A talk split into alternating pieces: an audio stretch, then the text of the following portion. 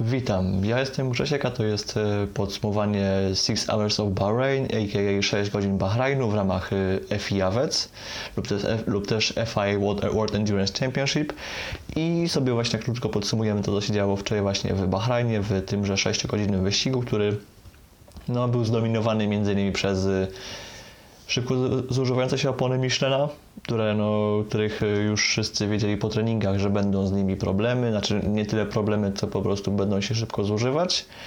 I tak jak y, wielu przewidywało, no, y, nieraz trzeba było, było pociągnąć pół kompletu na dwa stinty, a drugą połowę trzeba było wymieniać. Już dokładnie wyjaśniam o co chodzi. No, najczęściej w praktyce wyglądało to tak, że podczas postoju lewa strona opon, czyli opony po lewej stronie przednia lewa oraz tylna lewa były wymieniane. Właściwie co każdy stint. W normalnej sytuacji takowe opony niezależnie od, od mieszanki, a na pewno, a na pewno twarde, głównie no, wytrzymałyby dwa stinty, czyli no, tak w przypadku prototypów by to było około prawie półtorej godziny. Natomiast w wypadku GT, no to byłyby to do tych dwóch godzin. y, Cały komplet mógłby wytrzymać. Natomiast- Natomiast tak się nie stało i lewa strona musiała być wymieniana praktycznie co stint, ponieważ no już pod koniec stintu te opony jeszcze by nadawały się do jazdy, ale no w drugim stincie one byłyby już y, no Mógł, można stwierdzić, że to mogłoby być niebezpieczne, a jednak jeśli, nie wiem, mam taką klasę jak LMP2 z podklasą Pro Am, czy też klasę GT Am, y, no to tam y, kierowcy, którzy no, mają licencję srebrną, brązową, no, oni raczej mogliby sobie z takimi oponami nie poradzić, no to byłoby po prostu niebezpieczne. No i najczęściej było tak, że te pit-stopy by odbywały się dość, y, znaczy wymiany opon wymieniały, odbywały się częściej, no bo same postoje, no to był normalny takt dla prototypów co około 42 minuty, maksymalnie 45, a w GT no to najczęściej była ta, ten taki godzinny takt, który był jak najbardziej normalny. I dobrze, przejdźmy sobie do klasy najpierw Hypercar, w której no nie ukrywajmy się, nie działo się y, nic szczególnego.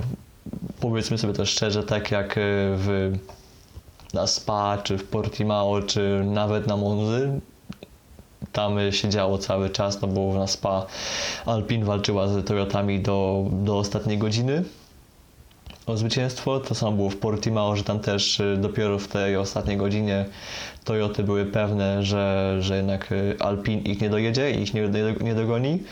Y, No to dopiero wtedy tam mogli jakoś ten wyścig rozgrywać po swojemu, tak no w, ostatnią sobotę w Bahrajnie no to wyglądało tak, że Toyota właściwie ani na moment nie oddała prowadzenia Alpine, nawet podczas postojów y, siódemka oraz ósem- ósemka właściwie ten wyścig rozgrywały po swojemu, no tam momentami było tak, że ósemka y, po swoim wolniejszym postoju tam y, na chwilę się parę razy się znalazła za ten za Alpin, no ale zaraz ósemka ją dojeżdżała i od razu potem się znowu robił dublet Toyoty i no cóż, no w ten weekend po prostu mimo, że Toyota spowolniono polemą, że dołożono im masy, dołożono im, y, znaczy dołożono, zmniejszono im maksymalne, maksymalne zużycie energii na, na stint, no to i tak, i tak to nie wystarczyło, nawet mimo tego, że Alpine była blisko 114 kg lżejsza, miała tam około 940 czy tam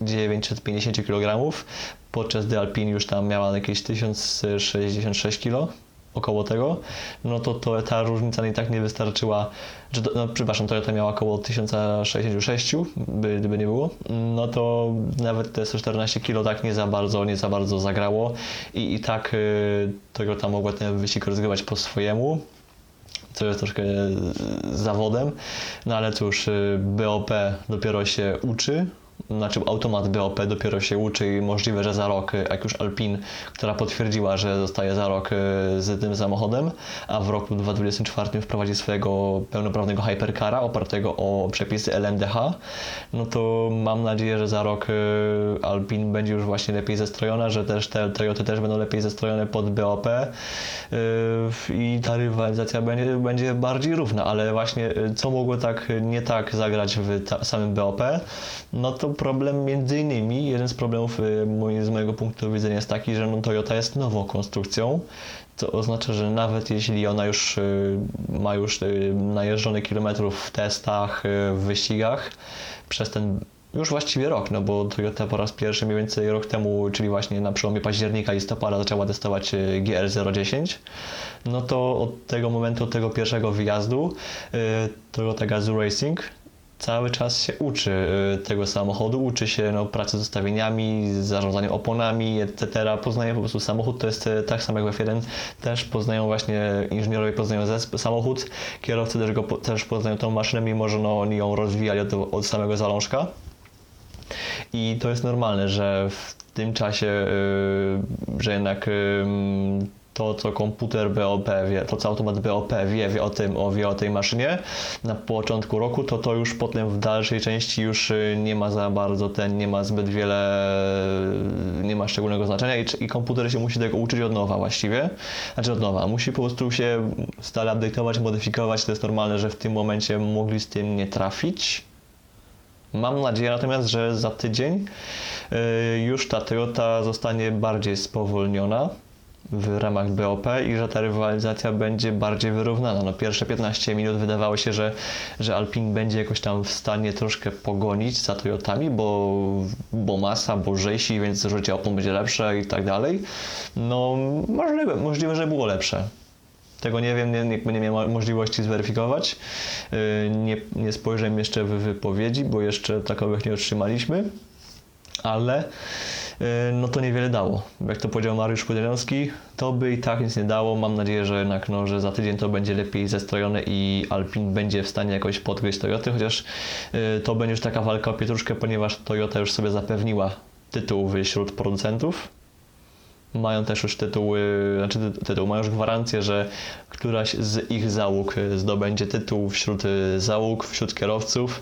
Na ten moment y, Mike Conway, Kamui Kobayashi oraz Jose Maria Lopez mają dobre 15 punktów y, przewagi nad nad Sebastianem Buemim, Kazuki Nakajimą oraz Brandonem Hardley, Hardleyem żeby nie skłamać, tak, to jest 15 punktów, jako że w drugim wyścigu jest do zdobycia 38 punktów w trakcie wyścigu oraz punkt za pole position, no to to jest y, 39 punktów, więc y, prosta matematyka daje, że jeśli, że jeśli y, Hartley, Nakajima oraz Buemi chcą zdobyć tytuł, to muszą na pewno wygrać oraz mieć pole position i no siódemka musi być trzecia.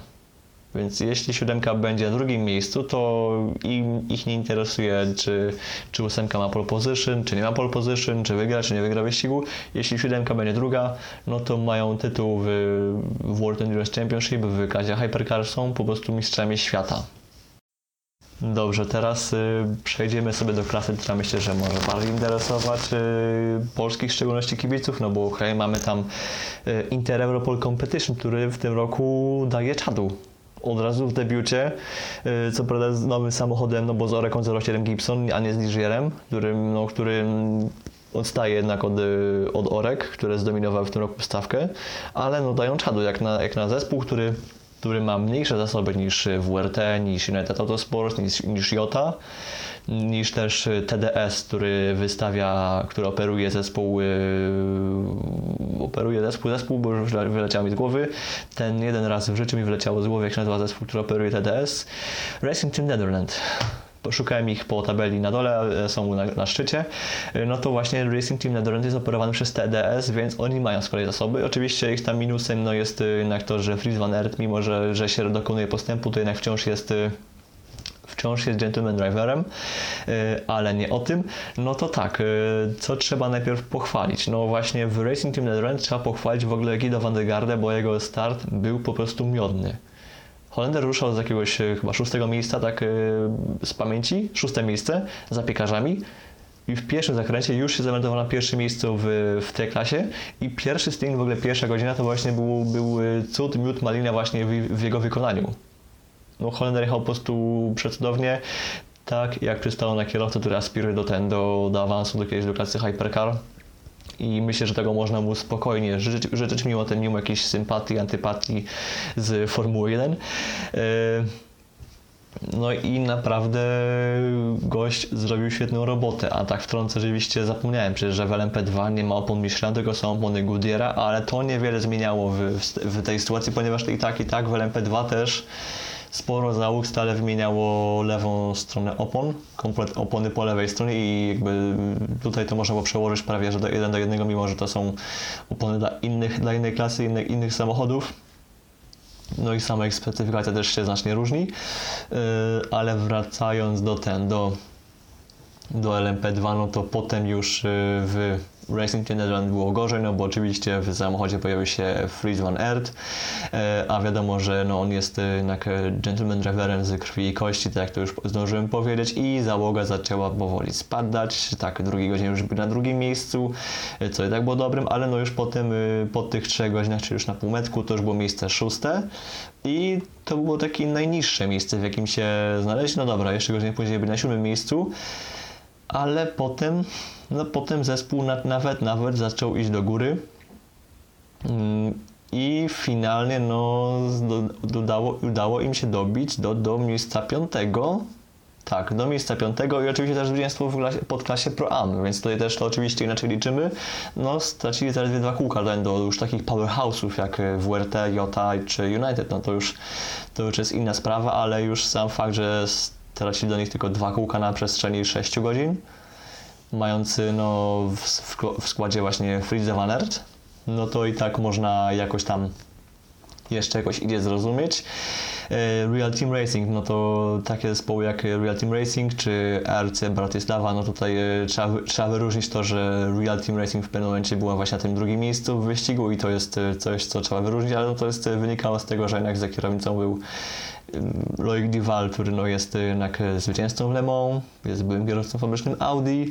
E, Nie wiemy, czy do tego Audi wróci, nie wróci czasem e, za półtorej roku już w samochodzie LNDH do klasy hypercarów, chociaż z racji wieku raczej to, to może być e, mniej możliwe, raczej tutaj już Loika Divala możemy nie zobaczyć w Audi, ale kto wie, jeszcze jakby nic nie zostało powiedziane, więc to się okaże. Finalnie siódme miejsce w wyścigu, drugie miejsce w podklasie Pro Am y, i też kolejne, no i też na, tym- na tym samym okrążeniu co ten, co Team Netherlands, więc Team Netherlands i to ze stratą ilu? No nieco ponad y, minuty 20, no to też poniżej jednego okrążenia, no to jest y, cały czas jak na takich kierowców, że mają w składzie takiego kierowcę jak Estebana Garcia, no to wiemy, co on robił w SPA, gdzie też no, troszkę wynik zaprzepaścił, no ale to jest też normalne, on jest brązem z krwi i kości, to jeszcze nawet y, bardziej brązowym brązem niż y, Fritz van Aert, no bo tak jak powiedziałem, Fritz van Aert y, no, dokonał postępu przez te parę lat, jak się już ściga.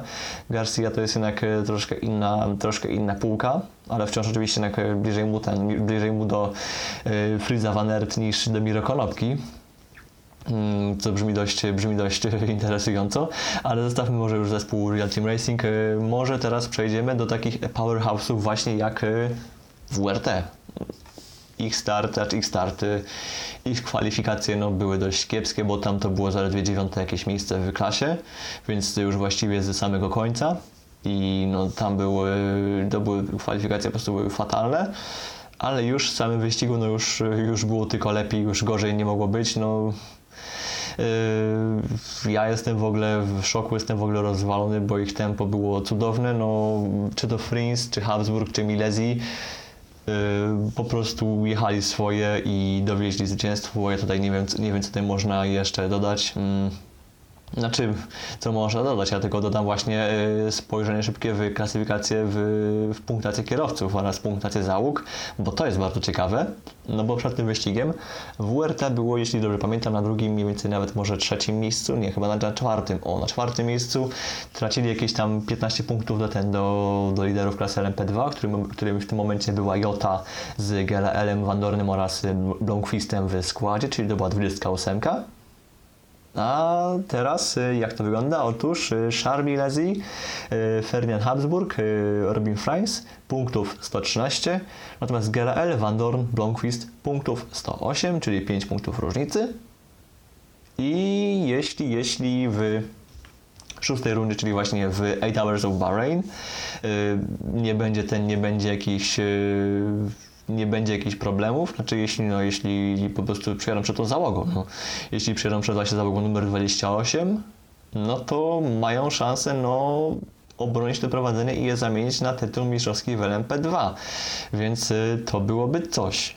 Nie ukrywajmy, no WRT, zespół, który y, debiutuje w, w, debiutował w LMS-ach, gdzie z Kubicą y, Ifeje oraz oraz Luisem Detrazem y, szarpnęli tytuł od razu w debiucie i to jeszcze wygrali wy- dwa wyścigi w swoich dwóch pierwszych startach, no to jeśli on, im się udało to tam, no to dlaczego WRT nie miałby ten zamknąć y, tego roku z totalnym sukcesem? Jeszcze właśnie wygrywając y, tytuł w, w LMP2 w World Endurance Championship. Oczywiście tutaj wspomnę, że ten tytuł nie ma statusu Mistrzostw Świata. Mistrzostwo Świata przyznaje się za tytuł w hypercarach, wśród kierowców y, i wśród producentów i to samo jest w klasie GTE Pro. Natomiast y, klasy LMP2 oraz GTE AM to są tylko tak zwane puchary, czy tam po prostu tytuły, tytuł, po prostu nie, Endurance y, Cup, tak to można nazwać, to jest tak- taki bardziej powiedzmy do po prostu puchar. To nie jest, to nie ma statusu Mistrzostw Świata, więc teraz tak tutaj wspomnę, ale e, oczywiście no, e, to jest tytuł w World Endurance Championship, więc e, sama seria ma natomiast status Mistrzostw Świata.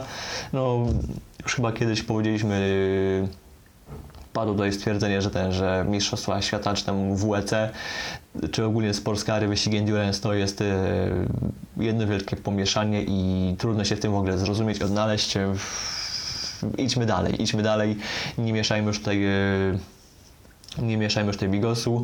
E, Bigosu troszkę się naważyło w, mm, w Jocie oraz e, w United Autosports, no bo tam mimo, że te, te, trzy, te, dwie, te dwa zespoły, które wystawiają łącznie trzy samochody, no bo dwa samochody ma Jota, jeden samochód ma United Autosports, no to wszystkie trzy musiały właśnie uznać wyższość WRT, co nie jest najgorszym wynikiem.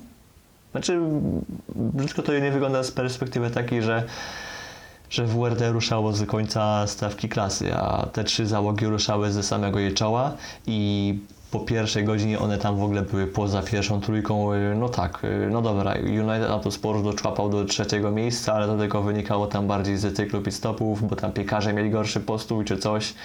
No to tylko z takich rzeczy wynikało, z tego właśnie też cyklu. No bo same pierwsze okrążenia były takie, że Joty w ogóle były poza podium. United też gdzieś tam był w ogóle poza podium. Pier, nawet y, po na koniec pierwszej godziny y, Rodolfo Gonzalez, y, Antonio Felix da Costa oraz y, Anthony Davidson to w ogóle byli na ósmym miejscu. Co w ogóle było ten, w ogóle dla mnie było jakimś y, szokiem. I walczyli z Richard Mille Racing, no, czyli z załogą półdamską w ten weekend.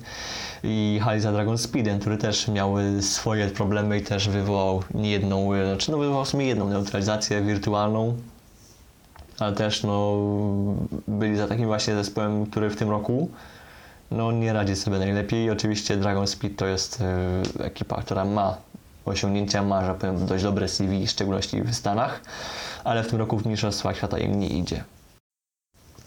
Natomiast, y, no właśnie, potem Jota oraz, y, znaczy dwie Joty oraz United się w miarę zrehabilitowały i dowiozły właśnie dwa, drugie i trzecie miejsce dla J oraz dla Uniteda było to czwarte miejsce. Po drodze jeszcze właśnie Felipe Albuquerque miał dość taką nieprzyjemną przygodę z Rengenem van der Zande, czyli właśnie z Inter Europol Competition.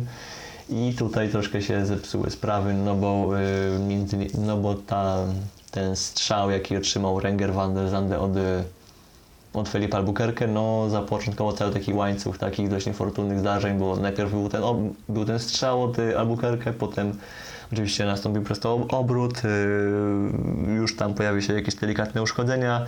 Najbardziej w tym wszystkim ucierpiał zamek od drzwi, od lewych drzwi w prototypie właśnie zespołu Inter Europolu. Mm, Drzwi te nie mogły się domknąć, więc trzeba było je zamknąć. y, Przez, w tym celu y, najpierw kierowca próbował zamknąć domknąć y, własnoręcznie. Nie udało się, no i potem musieli samochód ściągnąć ten do, do alei serwisowej. Tam już musieli to po swojemu naprawić, więc już stracili czas na takim dodatkowym postoju.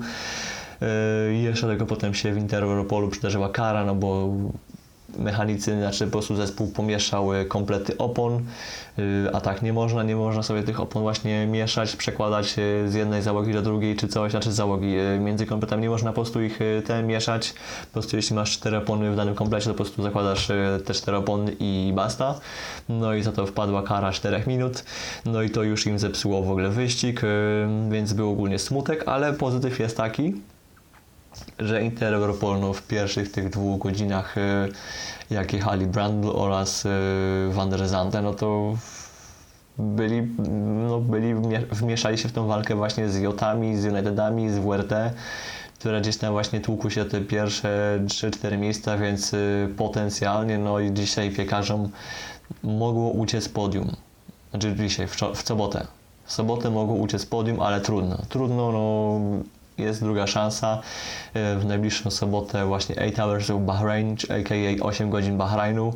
Jest druga szansa na to, aby to jakoś odkuć i aby tą odrotować jeszcze sytuację w, w sezonie 2021, chociaż ta nie jest zła, no bo, no bo koniec końców y, Alex Brandul, Jakub Śmiechowski oraz no Van der Zande nie, no bo Van der Zande nie jechał na Portimao, ale no ta dwójka Brandul oraz Śmiechowski oraz ogólnie po prostu załoga załoga Inter Europol Competition no ma 69 punktów. Niecałe 20 punktów przed nimi jest United Autosports. I tutaj ich można, można czmychnąć, ich można złapać, można ich dogonić. Yy, oczywiście będzie potrzebne no dużo, będzie potrzebne podium oraz prawie że zerowy dorobek yy, Uniteda, ale no, matematycznie jest to możliwe jeszcze to czwarte miejsce tam może wpaść. Oczywiście z drugiej strony też trzeba pa- patrzeć na ten na Team Netherlands, no bo z kolei oni tracą tylko 14 punktów do piekarzy, więc yy, na dwoje babka, babka wróżyła, ale jakieś tam szanse na jakiś yy, dobry, na jakieś takie top 4 na, w pierwszym sezonie są. I to byłoby bardzo fajne. Oczywiście szkoda tego wyścigu, yy, że no to tak się wszystko, wszystko zawaliło tak po tej trzeciej godzinie że była kolizja, uszkodzone drzwi, potem była kara, jeszcze były nieraz problemy tam przy pit stopach, bo te też tam różnie, y, z tymi też tam sobie różnie radzi Inter Europol Competition na tle Joty czy tam WRT. No ale mówi się trudno, no pozytywem jest to, że jak już coś się zawaliło, to wszystko naraz. Że do tej pory te wszystkie wyścigi były takie właśnie bardzo równe, forma była bardzo dobra. Zawsze oni trzymali się z daleka od problemów. No dzisiaj ich problemy się trzymały w tej drugiej połowie, ale no to był jeden wyścig na sześć. No to jeszcze jutro jest, jutro, za tydzień jest szósty wyścig i można jakoś odkuć. Jakieś dobre punkty można wyrwać i zobaczymy, czy, tam, czy jakoś to odkują. Jak nie, to i tak, i tak y, można jeszcze, no można, spróbują pewnie za rok, bo tu też jest parę właśnie fajnych plotek. Yy, w ogóle w klasie LMP2 będzie za rok dość ciekawie, no bo WRT ma szykować dwa samochody w WEC, dodatkowo mają też mieć jeszcze cały czas mają mieć jedno auto w, w ILMS-ach, więc u nich może być ciekawie. Yy, AF Corse, które oczywiście jest znane z tego, że startuje w klasie GTE, Pro oraz AM. Yy, No z kolei oni oczywiście odpowiadają za program, ope- za operację pod, pod tytułem yy, Ferrari w Hypercarach, odpowiadają za tą część operacyjną zespołu, czyli będą po prostu obsługiwać ich zespół w, w klasie Hypercar w roku 2023.